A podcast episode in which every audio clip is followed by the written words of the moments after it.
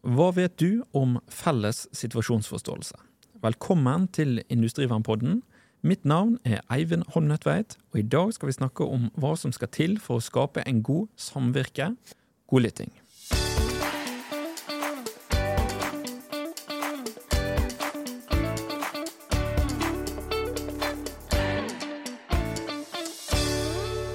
Dagens episode har fått med meg en som virkelig brenner for dette med felles situasjonsforståelse, nemlig Kenneth Vangen, som er innsatsleder i Nedre og Øvre Romerike brann og redning. Velkommen. Takk for det. Kenneth, hvorfor er dette så viktig for deg? Nei, eh, jeg har jo sett det at når man først begynner å få en felles situasjonsforståelse og felles mål, så er det fryktelig mye mer, eh, mer interessant å holde oppe ute. Altså, vi er jo brannvesenet. Det gjelder jo både brannvesenet, men også industribrannvernet. Vi er jo der for å redde verdier for andre som er i kanskje djup nød. Og det å kunne gjøre det da på en eh, så god måte som mulig, da er jo felles situasjonsforståelse er helt avgjørende. Så det er vel egentlig årsaken. Ja, og dette har du jo holdt på med en god stund, vel?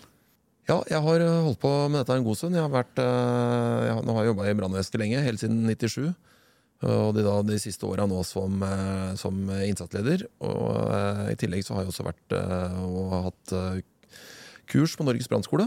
Jeg har fått inn veldig mye kunnskap derifra. Treffer mye flinke, dyktige folk og plukka opp en god del. Så, som jeg har tatt med meg videre inn i jobben min som innsatsleder. Da. Og som innsatsleder så er jo det med å skape en felles situasjonsforståelse for både dere i Brann, men også for de i industrivernet. Det er viktig. Uh. Det, altså, vi gjør det jo i dag, også i dag, og har gjort det hele tida.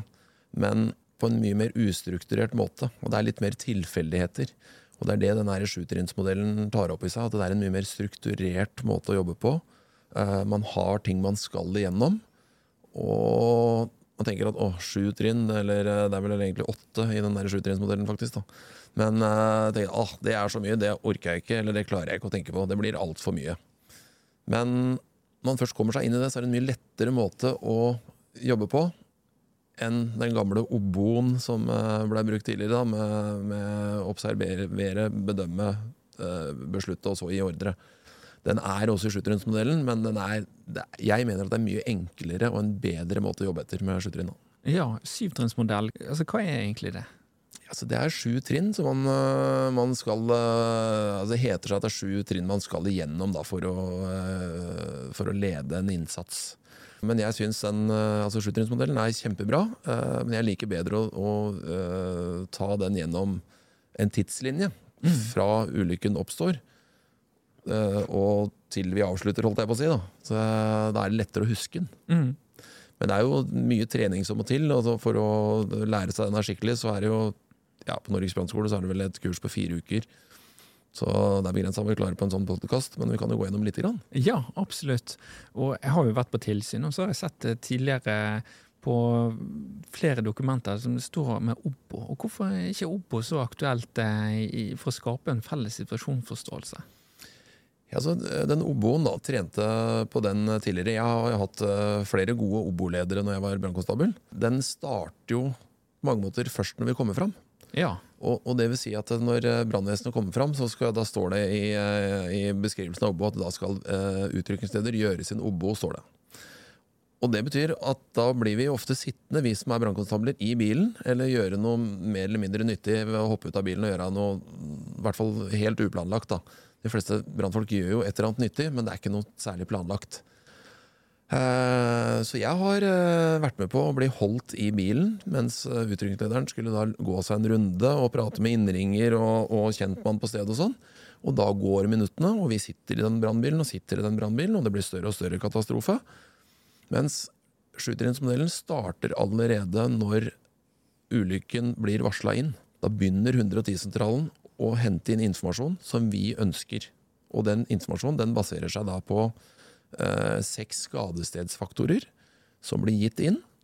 Eh, og så stiller vi spørsmål rundt de skadestedsfaktorene og danner oss et felles bilde i bilen på vei ut. Og så planlegger vi i bilen på vei ut et umiddelbart tiltak, kanskje flere umiddelbare tiltak, og forberedende tiltak. Eh, sånn at når vi kommer fram, når håndbrekket går på den brannbilen, da hopper det fire til fem stykker ut av den mannskapsbilen, og alle har et målretta tiltak for å gå rett på denne ulykken med en gang. Så det er forskjellen mellom Obo og, og sjutrinnsmodellen. Det er kanskje den viktigste forskjellen i mitt hode. For du finner igjen Obo i sjutrinnsmodellen nå. Vi skal gjøre de samme tinga. Det er bare det starter litt før, og så er det litt mer oppfølging etterpå. Og det er kanskje et litt mer tydeligere mål også? Det er eh, mye tydeligere mål. For det, sånn som tidligere, i Obo så blei det veldig ofte at målet med innsats det var å slokke brann. Og da kan vi egentlig bli hjemme, for det slokker seg sjøl før eller siden allikevel. Det, det målet det er umulig å ikke nå. Mens nå, har vi et, nå skal vi ha et reddemål. Altså, hva er det som skal reddes? Ja. Og det å ha fokus på hva som skal reddes, så kan det ofte være noe helt annet enn det vi tenker på. Det er jo ikke sikkert at det er huset i hele tatt, men det kan være, være andre ting som er viktig. Jeg har jo vært på flere branner hvor målet med innsats har vært at eh, brannen ikke skal spre seg over til nabohus. Og Det betyr egentlig at da er det der innsatsen blir satt inn. Men hvis vi klarer å finne spesifikke områder i huset vi skal redde, f.eks. en første etasje, og lager en plan i forhold til å, for å nå det målet, ja, så blir det til at da redder vi den første etasjen. Da, da bærer vi ut de møblene. Vi, vi sørger for at det ikke blir vannsøl eh, der nede. Nei, Det er en helt annen måte å jobbe på, som gjør at man, øh, man føler at man har mye mer kontroll i tillegg. Da. At det som skjer, har man faktisk kontroll på, og til en viss grad forutsett. Og så er det dette her med å skape en felles eh, situasjonsforståelse. Syvtrinnsmodell den legger jo veldig opp til det. Gjør jo det. Det er vel det som er kanskje hovedtemaet, i hvert fall i starten her. Jeg var jo inne på de eh, seks skadesesfaktorene. Og hvis man eh, tenker at vi skal leke litt med de akkurat nå, da, så kan alle lytterne tenke seg en eh, låve med et fjøs. Og så nå er det da ja, like mange låver og fjøs som det er lyttere der ute. Og jeg tror alle, alle veit at nå skal vi rykke ut på en brann i låve fjøs. Men vi veit jo ingenting om det. Men inni hodet til alle så er, et, er jo en låve og et fjøs. Uh, og for at det skal være likt mulig, så bruker vi skadesettfaktorene. Mm. For det første så er det mennesker i fare som er inne i det fjøset, eller i låven. Eller er det noen dyr der inne? Det må vi stille spørsmål om. Hvis ikke 110-sentralen har sagt ifra om det. I tillegg, eh, hvilken eh, type brann er det i dette objektet? Er det flammer, eller er det røykutvikling, eller er det, brenner det på utsiden, eller brenner det på taket? Greit å vite. Så eh, brannen er det neste. Først er liv i fare, så er det brannen. Det neste eh, det er eh, sjølve bygget. Hvilken type bygg er dette? For det, alle har, eh, har et eh, Det er ingen som har et likt bygg oppi hodet. Altså, du har mest sannsynlig kanskje et eller annet bygg i nærområdet ditt, eller, eh, og jeg har en bondegård hjemme. Men hvor stort er bygget? Hvilke materialer er det satt opp i? Er fjøset satt opp i, i betong? Er det noe etasjeskiller? Hvor mange etasjer er det? Eh, sånne ting. Det skal du stille spørsmål om under bygget. Og så har vi omgivelsene på stedet. Hvilke omgivelser er det rundt dette bygget vi skal rykke ut til? Okay, hvis det er en låve eller et fjøs, så kan dette være på en bondegård. Da er det jo da eh, kanskje stor spredningsfare til andre bygg, f.eks. Det er noe du stiller spørsmål om under omgivelser.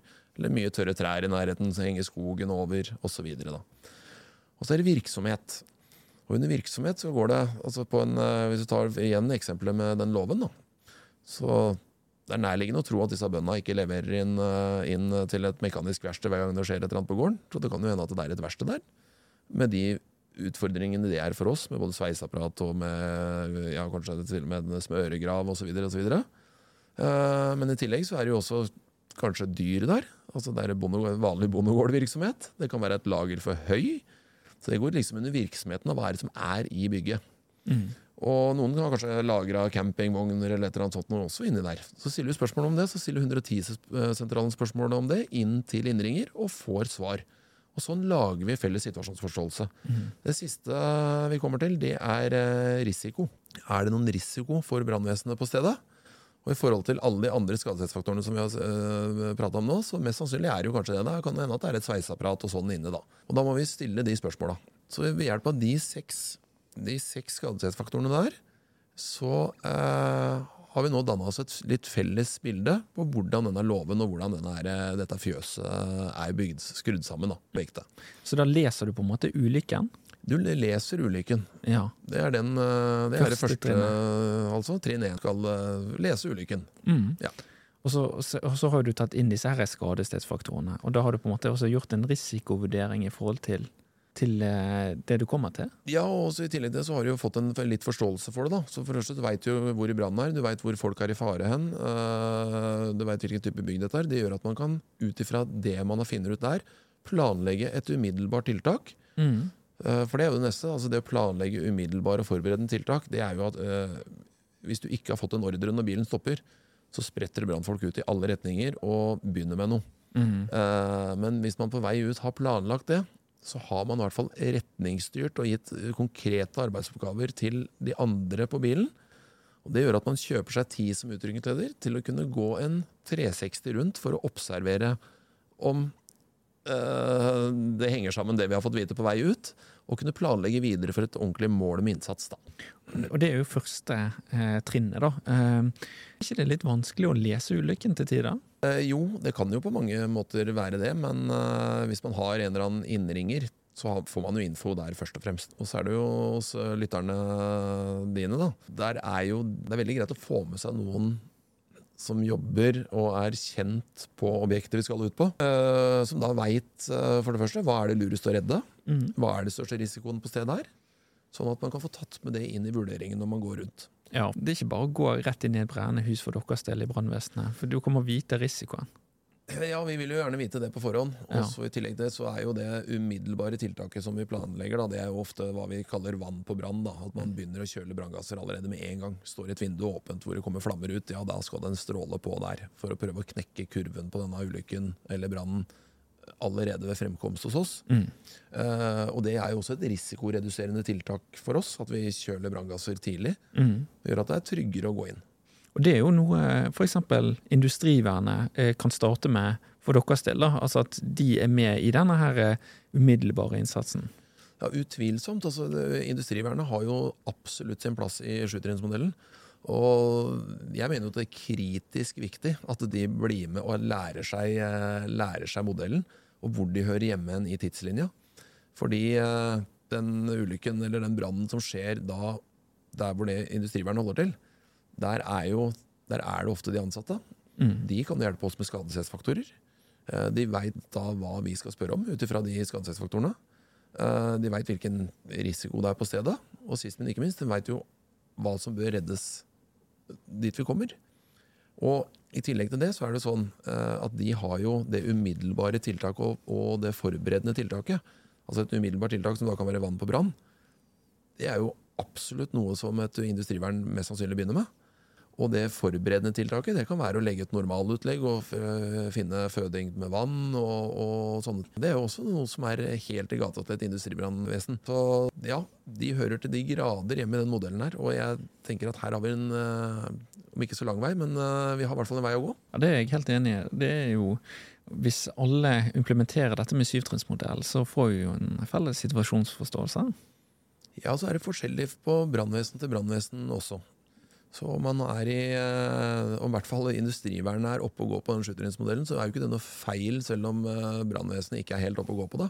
For da vil man spille hverandre gode. For den modellen tvinger, tvinger jo egentlig eh, oss til å tenke litt likt. Mm. Så om man lærer seg den modellen og trener på det, så er ikke det noe bortkasta, selv om ikke brannvesenet har kommet så langt ennå. Men så eh, er jo det dette med å, å gjøre en god risikovurdering. Du har jo vært inne på disse skadestedsfaktorene. Eh, for eh, Industrivernet sin del så er jo det avgjørende at dere er kjent med virksomheten. Og da er det jo greit at man blir kjent med hverandre og møter hverandre og snakker eh, om disse forskjellige risikofaktorene, ser på virksomheten. Hva tenker du om det? Jeg eh, tenker at nå, ja, vi i vårt, eh, eller mitt distrikt, da, så er vi, der syns jeg industrivernet er flinke til å samarbeide. Um, men det er ofte at det ikke det er, det er ikke sjutrinnsmodellen ofte som er den vi trener på. Vi trener på spesifikt samarbeid ute, uten kanskje å ta med oss det med sjutrinnsmodellen. Mm. Men det er jo kjempeviktig. og så tenker jo så folk at det er, nei, dette her er et lederverktøy, og det er jo det. Men samtidig så er det jo sånn at hvis ikke de som rykker inn, altså de fra industrivern eller våre røykdykkere, veit hva et mål med innsats er, Mm. eh, så funker jo ikke dette her. Altså alle må, kunne, alle må kunne være med å leve i modellen, og da må man alle kjenne til dette her, og gjerne mestre også eh, deler av modellen. da. Jeg er veldig glad i røykdykkere og brannkonstabler som får et mål med innsats, Mm. f.eks. av meg eller annen utrykningsleder, og så går de inn, og så finner de ut at hm, vi kan klare å redde mer enn det, og gi tilbakemeldinger ut om at du, vet du hva, det du sa her om at vi skulle redde den og den etasjen, etasjen over er jo også helt uh, røykfri, skal vi redde den også? Suverent. Det, det er den dialogen vi vil, vil ha, da. Sånn at alle skal skjønne hvilk, alle skal skjønne dette med reddemål. Mm. Når vi kommer fram, skal vi redde mest mulig. vi. Ikke bare det jeg sier vi skal redde. Vi skal redde alt annet òg. Så vi skal redde så mye som mulig. Men det, det gjelder jo også andre veien også. At eh, hvis det er verre enn det man tror ser på utsiden, for det er ikke alltid like lett å se hvordan ting er før man er inni det. Nei, og da er det jo veldig viktig da, at hvis eh, vi gir et eller annet mål med innsats om at det skal, eh, alle leiligheter rundt den leil- brannleiligheten skal reddes, og så brenner de to leiligheter til, så må vi få beskjed om det. For da har vi allerede målet ryke når vi har kommet inn. Mm. Så det er jo den dialogen vi er nødt til å ha. Eh, på lik linje som eh, hvis vi kommer til et industrivesen hvor, eh, hvor det da er en ulykke, eller en brann, eh, så må jo de fortelle oss hva er det viktigste å redde her. Mm. For det er jo ikke åpenbart at det kanskje er bare å, å, å slokke brann i, i den kantina som brenner. Hvis det ligger rett ved siden av et produksjonslokale som det bare er én av i verden, eller eh, noe, så er det kanskje viktigere å få trykksatt den, eh, den produksjonsdelen før vi går på Eller samtidig som vi går på vann på brann på den andre. da.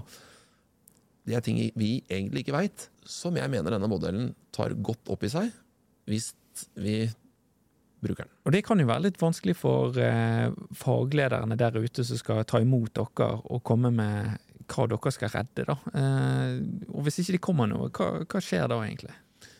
Eh, nei, jeg håper jo at det er noen som kommer og spør. Altså, det viktigste er å gjøre seg til kjenne og, og få tak i første omgang en utrykningsleder, og så etter hvert en innsatsleder.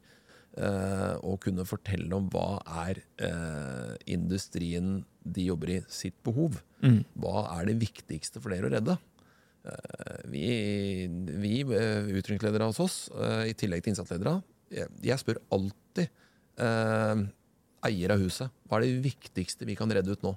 Hva er det viktigste for deg? Vi har et tidsvindu her på noen minutter bare. Hva er det viktigste? Da får vi alltid enten en bunad eller en safe eller pass eller noen kontrakter eller et eller annet sånt. Det er alltid et eller annet de ønsker at vi skal ha ut. Og sånn er det jo med de som har bedrifter rundt omkring òg. Ja, hva er det viktigste for deres bedrift? Hvis det begynner å brenne her i dag, hva er det du vil ha ut? Jeg har jo et eksempel fra bare sånn For å vise litt grann hva jeg mener, da. Så er det et eksempel av han eh, Madsson som har skrevet den eh, taktikkboka, hvor, eh, hvor da skytterhetsmodellen er nevnt. Og han eh, er eh, innsatsleder da i eh, Lurer på om det er i Gøteborg. Men i hvert fall der brenner det en bussgarasje. Og med spredning inn mot et, mot et administrasjonsbygg. Og målet med innsatsen blir da å redde administrasjonsbygget. Og det gjør de ved å pøse på med brannbiler i alle retninger og legge slanger i veien og overalt. da. Og det man ikke har tenkt på, det er at det står en 600-700 busser rundt den eh, garasjen her. Og de skal jo ut og kjøre på morgenen. Så når første, første eh, bussjåfør kommer, da, så kommer ikke han ut med bussen. Og sier at jeg kommer til å få en 600-700 arbeidskollegaer i løpet av dagen her nå som skal ut med bussa sine. Og det kommer ikke til å gå en eneste buss i rute i hele Gøteborg, eller om det var Stockholm, husker ikke, eh, i dag. Hvis ikke vi kommer ut. Og da var egentlig det, industri, nei, det administrasjonsbygget, som da var sånn delvis uh, skada fra før av, da, det var ikke så viktig. For det er mange kontorbygg som de kunne leie. Eh, alt av data og sånn var, var ivaretatt. Så da blei målet med innsatsen istedenfor å redde det bygget, eller i tillegg til å redde det bygget, så skulle alle busser eh, gå i rute den dagen. Og det er klart Du kan tenke seg de samfunnsnyttige konsekvensene eller samfunnsmessige konsekvensene av at det ikke hadde vært en eneste buss i rute den dagen. Det hadde vært gigantiske, sikkert flere millioner i timen. Mens her gikk alle busser i, i tide. Men det målet er ikke så lett for en, en utrykningsleder eller en innsatsleder som kommer og, og tenker på det. Man tenker at uh, Vi veit jo egentlig ikke hva det der, visste jo hva det busselskapet eh, dreiv med, men det viktigste for oss er jo å redde sjølve bygget. Mens her var det bussene var mye viktigere for firmaet. Og Sånn kan det være rundt i Norge og de forskjellige bedriftene òg. Vi aner ikke. Vi går på brann og tenker at ja, her skal vi slokke brann og redde dette rommet, liksom. Men så er det kanskje ikke det som er det viktigste. Det kan være en hjørnesteinsbedrift hvor det er helt andre ting som vi må prioritere, som i hvert fall er kjempeviktig at overlever. Uh, og da er jo de samfunnsmessige konsekvensene enda større hvis vi skulle brenne ned en hjørnesteinsbedrift for at de uh, prioriterer feil. Da. Det- Det er helt sant. Og det er liksom, hvis den uh, hjørnesteinbedriften ryker, så kan det jo være duken for hele kommunen, for å si det sånn. Ja, kjempeviktig. Og det, og, og det er klart at jeg ser jo nytten det, Fram til nå da, så har jeg jo sett nytten, særlig hos deltid, må begynne med sjutrinnsmodellen. Hvis den, den blir sittende. De som driver sjelden med brann. For så de har jo ikke så mange øvingstimer og trener så mye. Men allikevel de som har systematikken inne, er det mye lettere å takle store hendelser fordi at den, du blir tvinga til å gå gjennom de forskjellige trinna og, og følge den tidslinja. Alle da jobber målretta mot det samme målet.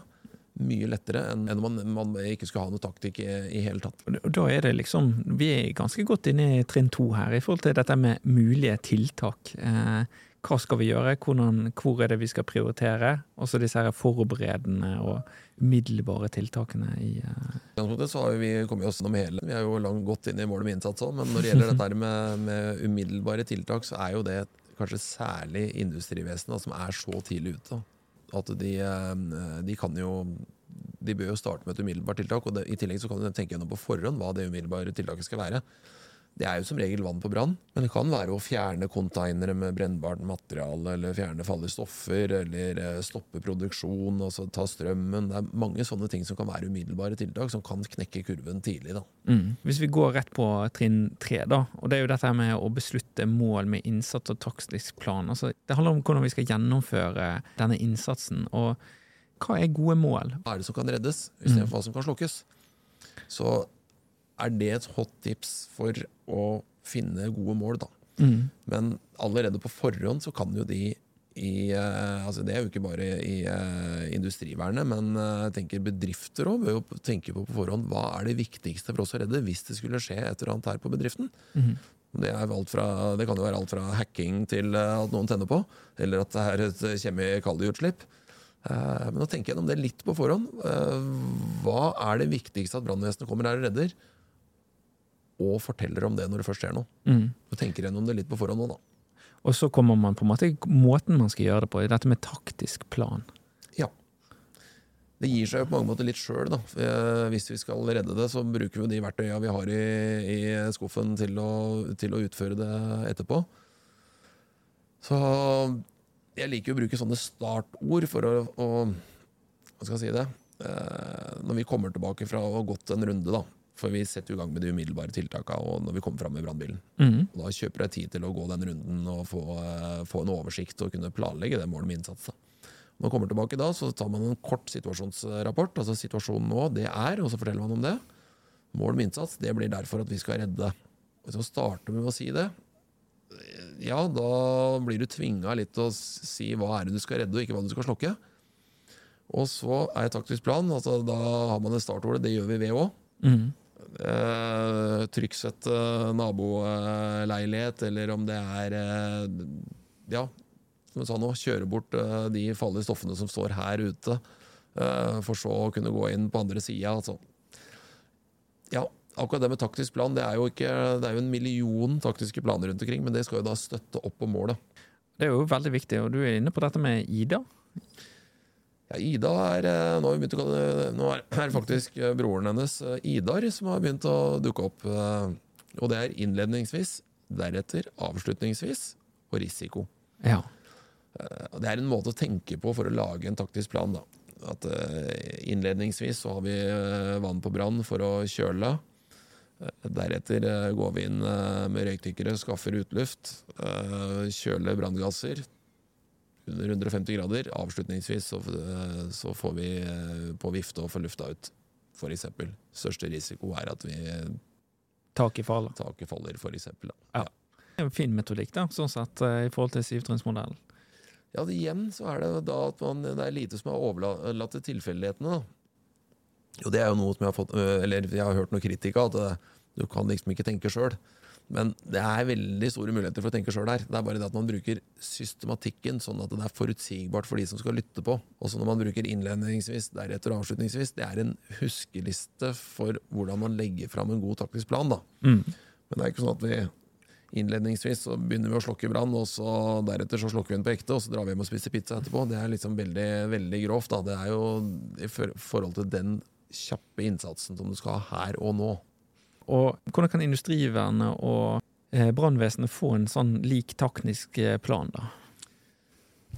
Det første er jo å snakke sammen når man kommer ut. da. Det, jeg tenker at det å øve sammen, det er ganske viktig. Også den taktiske planen vil jo endre seg fra, fra situasjon til situasjon. Men, eh, men at man på forhånd kanskje har sett litt på hvilke kapasiteter man har, da, som man kan benytte for å nå målet. Ta Gardermoen, for eksempel. Da. De har jo da antagelig verdens råeste umiddelbare tiltak med en sånn panterflyplassbil. Panther flyplassbil. Det er jo et umiddelbart tiltak med vann på brann på fly. Eh, De forbereder også et eh, også normalutlegg for å kunne gå inn med røykdykker etterpå. Det er veldig bra for oss som har OSL i nærområdet vårt, å vite hvordan de jobber først. Og Vi trenger ikke planlegge noe umiddelbart tiltak når vi kommer fram, for det har dem til de grader ordna. Og sånn er det jo også ute på i de tusen arbeidsplassene som eh, forhåpentligvis lytter på her nå. da. De òg har jo noen kapasiteter som brannvesenet kan benytte seg av som både umiddelbare tiltak, forberedende tiltak, og det vite om det på forhånd allerede på vei ut. da. Så begynner vi å snakke samme språk ja, allerede fra i morgen. Og da er vi jo nesten på dette med eh, trinn fire, da. Hvordan vi skal sk- rett og slett organisere oss for å løse dette her. Ja, Det starter jo også eh, Det som er med den eh, sjutrinn-modellen, den, den, den går jo sånn systematisk, for det må være et trinn som er én, og så må det være et som er nummer sju. Eh, nummer fi, men nummer fire, det, det kommer jo når første brannbil stopper, eller den første slangen blir lagt ut av eh, et eh, industribrannvern.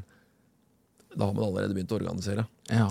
Eh, men så kommer jo dette her etter hvert med Det blir, er jo organisering hele tida. ja. Men når vi kommer på dette trinnet her, så er kanskje innsatsleder framme. Vi begynner å sektorisere. Eh, kanskje få inn eh, en noen brannvernleder osv. Uh, noen ledere fra industrivernet inn i ILK for å kunne planlegge videre innsats da, og organisere videre. Ikke minst med, videre samarbeid mellom industrivern og lokalt brannvesen. Ja, ILKO, kan du forklare det?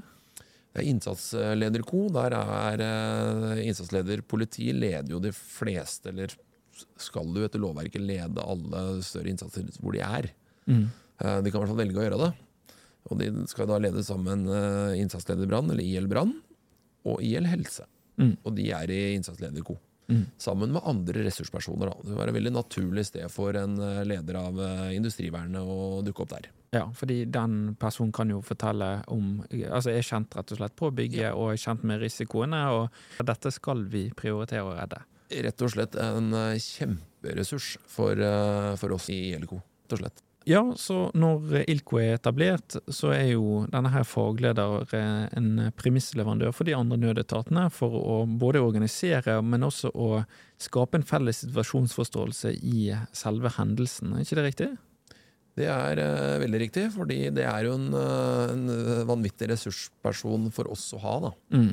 Uh, fordi at man skal også tenke videre. Mm. Det er jo ikke sånn at den uh, brann som oppstår, den, forhåpentligvis har vi slokka den, eller den ulykken den, eh, den avtar etter hvert, men det kan jo hende at det går andre veien òg. Mm. Og det å kunne tenke de baner og tenke videre, så er man jo helt avhengig av de, som, eh, av de her som både veit hva er det som er risikoen ved denne bedriften, hva er det som må reddes igjen, hva er det, hvilke ressurser har de, hvilke muligheter har vi, kart, tegninger.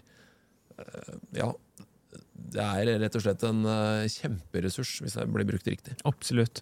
Og, så er det jo også sånn at når man har eh, fagleder der, og forskjellige nødetater, så er jo ikke det sånn at nødvendigvis at det her er din innsats og det er hans innsats. Eh, det er felles innsats, rett og slett. Ja, Det tror jeg er veldig veldig viktig å poengtere her. da. Eh, og at eh, alle er like viktige på et skadested. Og det, det, det prøver vi å implementere nå. Med, altså, vi har gjort det tidligere i brannvesenet òg, men det er sånn, vi sender jo da folk på kurs fra Norges, eh, opp til Norges brannskole for å lære seg skytterhjemsmodell. Og så kommer de tilbake igjen uten at de nødvendigvis lærer hele vaktlaget om skytterhjemsmodellen. Og så blir man liksom sittende litt på en sånn egen tue og bare kunne veldig mye. Men det viktigste er å få dratt med seg alle. da. Alle er viktig. Eh, og når vi har muligheten for også å dra med oss helse, politi, industrivern, alle inn i det samme for å lage en felles situasjonsforståelse. Altså det, er, det er kjempeviktig. Det er, eh, det er, helt avgjørende. Og, og jeg har jo, vært, har jo, vært, på noen innsatser hvor industrivern har vært involvert tidligere.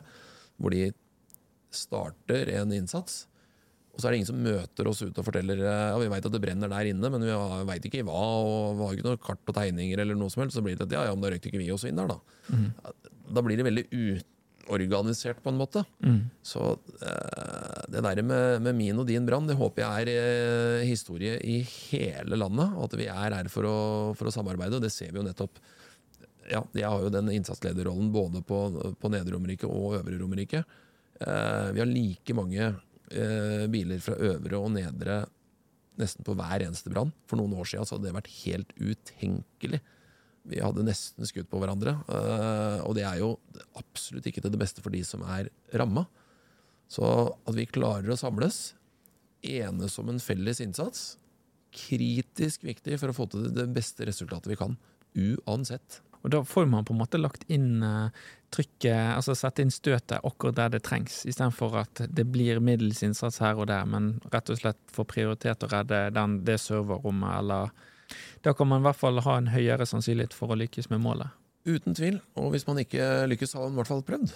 Og så har man dratt en eh, plan B også, hvis man ikke lykkes. Og så mm. den lykkes. Og så er det sånn at når man eh, er i, eh, i denne ILCO-en og har denne her samvirken, så er vi jo i dette her med trinn fem da, i den syvtrinnsmodellen. Og det handler jo om dette med å kommunisere og samvirke. Hvordan kan dette her eh, gjøres godt, da? Ja, Nå er det jo sånn at uh, igjen da, så er det kommer i trinn, eller i trinn fem. Men vi gjør jo det allerede i trinn én. Mm. For vi starter jo med, når vi har fått en oversikt over de skadesetsfaktorene, Eh, så det brannvesenet gjør på vei ut, da, det er jo å kommunisere sin situasjonsforståelse i felles talegruppe. Og det kan enten være en samvirkekanal eller BAPS-kanal, eh, men det er der hvor alle nødetatene er. Da. Og det, det, som sagt, det starter tidlig. Så det å si sin situasjonsforståelse allerede på vei ut, så kan man f.eks. si at ja, brann på vei til en eller annen adresse. Eh, vår situasjonsforståelse er at her skal det brenne i en låve. Den er 700 kvadratmeter, eh, sånn, sånn og sånn. Og så, når man avslutter da, så kan politiet si ja, det her er det Den har vi fått greie på at det er 400 eh, kvadratmeter, f.eks. Eller her er det folk inne. Ja, nei, det har ikke vi fått. Sånn at alle har felles situasjonsforståelse når man kommer fram. Det er, det er veldig dumt at vi veit at det er sveiseapparat i den loven, og at politiet ikke veit det. Og så er de først framme. Sånn er det jo også da med lytterne dine at de også burde vært på en eller annen lik kanal, så lenge man er der at man har et industribrannvern. Så hadde det kanskje vært en fordel å kunne vært der på samme tallegruppa. Hvor fint hadde ikke det vært å kunne fått en, en situasjonsrapport direkte live ute på hvordan det ser ut der, fra en som veit hva man skal gi tilbakemelding om, mm. istedenfor at jeg som sitter i bilen på vei ut, som egentlig ikke veit noe mer enn det noen har fortalt meg, da hopper de over. Altså, hvis du har vært med på viskeleken noen gang, så ser man at det funker. Det er like gøy hver gang. Det går alltid et eller annet bort underveis. Men å ha én industribrannkonstabel som kan gi tilbakemelding om at ja, her brenner det i vår uh, silo for uh, fiskemel. Uh, den står i fare for å rase over sånn, sånn og sånn. Gull verdt. Gull verdt. Mm. Og jeg kan jo si at Det er jo også mulig at, eh, man innringer som melder om disse skadene, som gjerne kan være en fagleder eller industrivernleder fra virksomheten, kan også bli patchet opp i 110-samtalen eh, der eh, alle nødetatene er i, da, i en sånn en konferanse. da. Men da igjen er det litt viktig at man er drilla mm. i og eh. Kunne komme med dem på rams. fortelle Fortelle sånn og sånn ser det ut her. Eh, sånn at vi får en felles situasjonsforståelse. Eh, for da veit du hva som kommer. Og så er man en man kan spørre. da. Hvis man uh, lurer på noe mer, så kan utrykningsleder spørre. da. Altså Hadde vi, vi kommet dit Det kan nok hende at det er noen industrivern som allerede er der. Men kommer vi dit sånn generell, på generell basis, da har vi kommet langt. Det tror jeg absolutt. Som du sier, så er jo dette noe man gjør, dette med å kommunisere og samvirke dette. Dette blir jo gjort egentlig gjennom hele fasen da, fra alarmen går. Eh, men så kommer man til et, et, trinn der vi har kommet langt ut i prosessen. og, Det handler jo om dette med å skape utholdenhet. Eh, fordi en innsats, f.eks. i en virksomhet som brenner, det kan ta vare litt lenge. Ja, det gjelder jo sånn For min del, da, så er det jo sånn at jeg prøver å tenke på det allerede også på vei ut. Mm. Fordi eh, vi har dyktige utrykningsledere, eh, dyktige folk der ute, som tenker på førsteinnsatsen. Mm. Så når jeg som innsatsleder kommer uh, susende, så trenger ikke jeg tenke på akkurat det, for det er det flinke folk som gjør. Men uh, jeg kan kanskje tenke på å sideforflytte nabobrannvesen, få innkalling, sørge for at det kommer uh, mat, drikke ut tidlig. Sørge for at det kanskje får varme, uh, telt ut. Vi har noe som heter Sektor 6, blant annet, da, hvor vi har en eh, eh, både med mat og, og, og varme og dusj, dass, kanskje etter hvert. sånn sånne ting. da. Det skaper utholdenhet. Men sånn er det jo også med industrivernet. Hvis det skjer en større hendelse i, en bedrift, så vil jo også de nødvendigvis måtte kunne bytte ut noen ressurspersoner, da, sånn at en ikke brenner alt kruttet med en gang. Mm. Hvis dette varer og rekker over ja, 10-12 timer, kanskje et par dager, men eh, jeg klarer ikke helt å se for meg åssen det skal bli. men Se f.eks. propanbrann i Lillestrøm, da, hvor det, hvor det var to tog som krasja. Hvis det hadde vært i en bedrift da, eh, hvor det var overhengende fare for eksplosjon, så kan det jo ta tid. Og så må industrivernet må tenke at det kommer en tid etter at vi har slått dette her òg. Det, det er kanskje først da jobben egentlig begynner for den bedriften de jobber i. Og det at man sørger for utholdenhet på den måten også, da. Og det går jo selve på beredskapsplanen for virksomheten. Da, at eh, man har en god plan når dette skjer. At det er en utholdenhet eh, og robusthet for eh, styrken, da, rett og slett. Så, så man må ikke bare tenke på selve førsteinnsatsen, men hele hendelsen. Ja, altså For bedrifter så er det jo mye annet uh. Jeg kan jo anbefale den boka til han Lunde om uh, hvordan beredskapsorganisasjoner er bygd opp. Så har, eh, Det er jo flere prinsipper her, med både førsteinformasjonsprinsippet, det er eh, ja, sikker-usikkerhetsprinsippet, det er eh, moderat og oversterk-prinsippet. Det, det er mange ting som spiller, spiller inn her. da. Eh, men det å kunne være Jeg tror det viktigste er å være forberedt Mm. og at man er forberedt på at man får et, kanskje mer trykk på seg når, når en sånn storulykke skjer. Og det ikke holde igjen, altså tenke gjennom litt hvilken informasjon kan jeg gå ut med. For det, du har jo også det kommunisere og samvirke. Nå har vi prata om det innad hos oss, men kommunisere og samvirke det kan også være med presse, media, naboer. Mange trenger informasjon når dette er stort. da. Mm. Ikke holde igjen eh, i hvert fall veldig mye informasjon. Jeg tror det er viktig å komme ut med den informasjonen som er, eh, er viktig, med en gang. Det der førstehåndsinformasjonsprinsippet er litt viktig å holde tak i. Ja, det betyr at hvis det er informasjon som er viktig og kritisk, så er det mye bedre at uh, vi, eller som nødetater, eller at bedriften kommer med det først. Mm. Media plukker opp dette her allikevel. Og de har jo et samfunnsansvar, de òg, så de plikter faktisk å informere om det. Men du kan styre den, den informasjonen mye mer hvis man forteller den sjøl. Istedenfor å holde den igjen, og så finner media ut av det, og så lager man den sin egen historie. Og så noe som er viktig å tenke på i forhold til dette med altså om det er utholdenhet eller kommunisere og samvirke. Det, det, det er i hvert fall viktig. Mm, absolutt. Og jeg ser jo for meg at det er jo mange virksomheter som er i nærheten av andre virksomheter, og da må det også kommuniseres ut til de. Hva er det som er forventet av de hvis det skjer noe fra, i denne virksomheten? Eh, Må de evakuere? Må de gjøre noe? Må de flytte på ting? Altså, hva er det som er forventet der? Sant? Ja, og ikke minst eh, kanskje naboer, da. Mm. Som har bodd eh, i nærheten av en storulykkebedrift i alle år, og det har ikke skjedd noen ting, og så plutselig skjer det noe. Da er eh, ja, altså Informasjon er så kritisk for å kunne bevare omdømmet sitt videre og kunne bygge opp bedriften igjen. da. Så Det er først når det smeller at man ser hva man er bygd av, kan du si. Og da, da gjelder det å ha gode planer for det, Mm. rett og slett. Og så, så er jo det kanskje et av de viktigste punktene i eh, denne her eh, syvtrinnsmodellen, og det er jo å følge opp. Følge opp, virker det? Uten tvil. Det er vel kanskje det som er Ja, det er, det er i hvert fall kjempeviktig. Og vi brannfolk har ofte en sånn tendens til å Ikke bare brannfolk, jeg tror det er litt sånn med, med stater òg. At hvis man først eh, begynner med noe, så investerer man veldig mye inn i det man begynner med. Pøser på med brannbiler, og det pøser på med utstyr og legger slanger i milevis for å komme fram, og så, og så er det ikke det som virker, da. Eh, og så bare gjør man mer av det som ikke virker, og så til slutt så virker det. Så det å klare å evne å se nytt, omorganisere og starte med noe annet, eh, det krever faktisk litt. Og det å tørre å gjøre det også, da. Så For det, er jo sånn at i begynnelsen så vet jo gjerne man ikke alt av informasjon. Og eh, du har ganske mange tiltak du kan gjøre, men jo mer informasjon jo, du får, eh, jo enklere blir det til slutt. Da, men jo, da må man også omstille. Da må man omstille. Hvis skal ha noen eksempler på det, da, så er det jo Si man har en eh, boligblokk med flatt tak. Og så begynner man begynner å brenne på ene siden. Og så øh, begynner man å slukke da, med masse vann opp på taket. øh, fordi det brenner på taket. Og så i den ene halvdelen av bygget så begynner det da å, røsse på med vann nedover. Så sprer det seg over til naboen, nabooppgangen. Kanskje man skal brenne av det taket isteden? Istedenfor å pøse masse vann der òg, så drukner man, drukner man den siden òg, så ødelegger man hele, hele blokka. Eh, så tror jeg kanskje noe av det du er ute etter, er beslutningsinformasjonsfella. For den er også Det er også noe å tenke på allerede på vei ut, da. Fordi at eh, Skal skal bare forklare kjapt på den, da.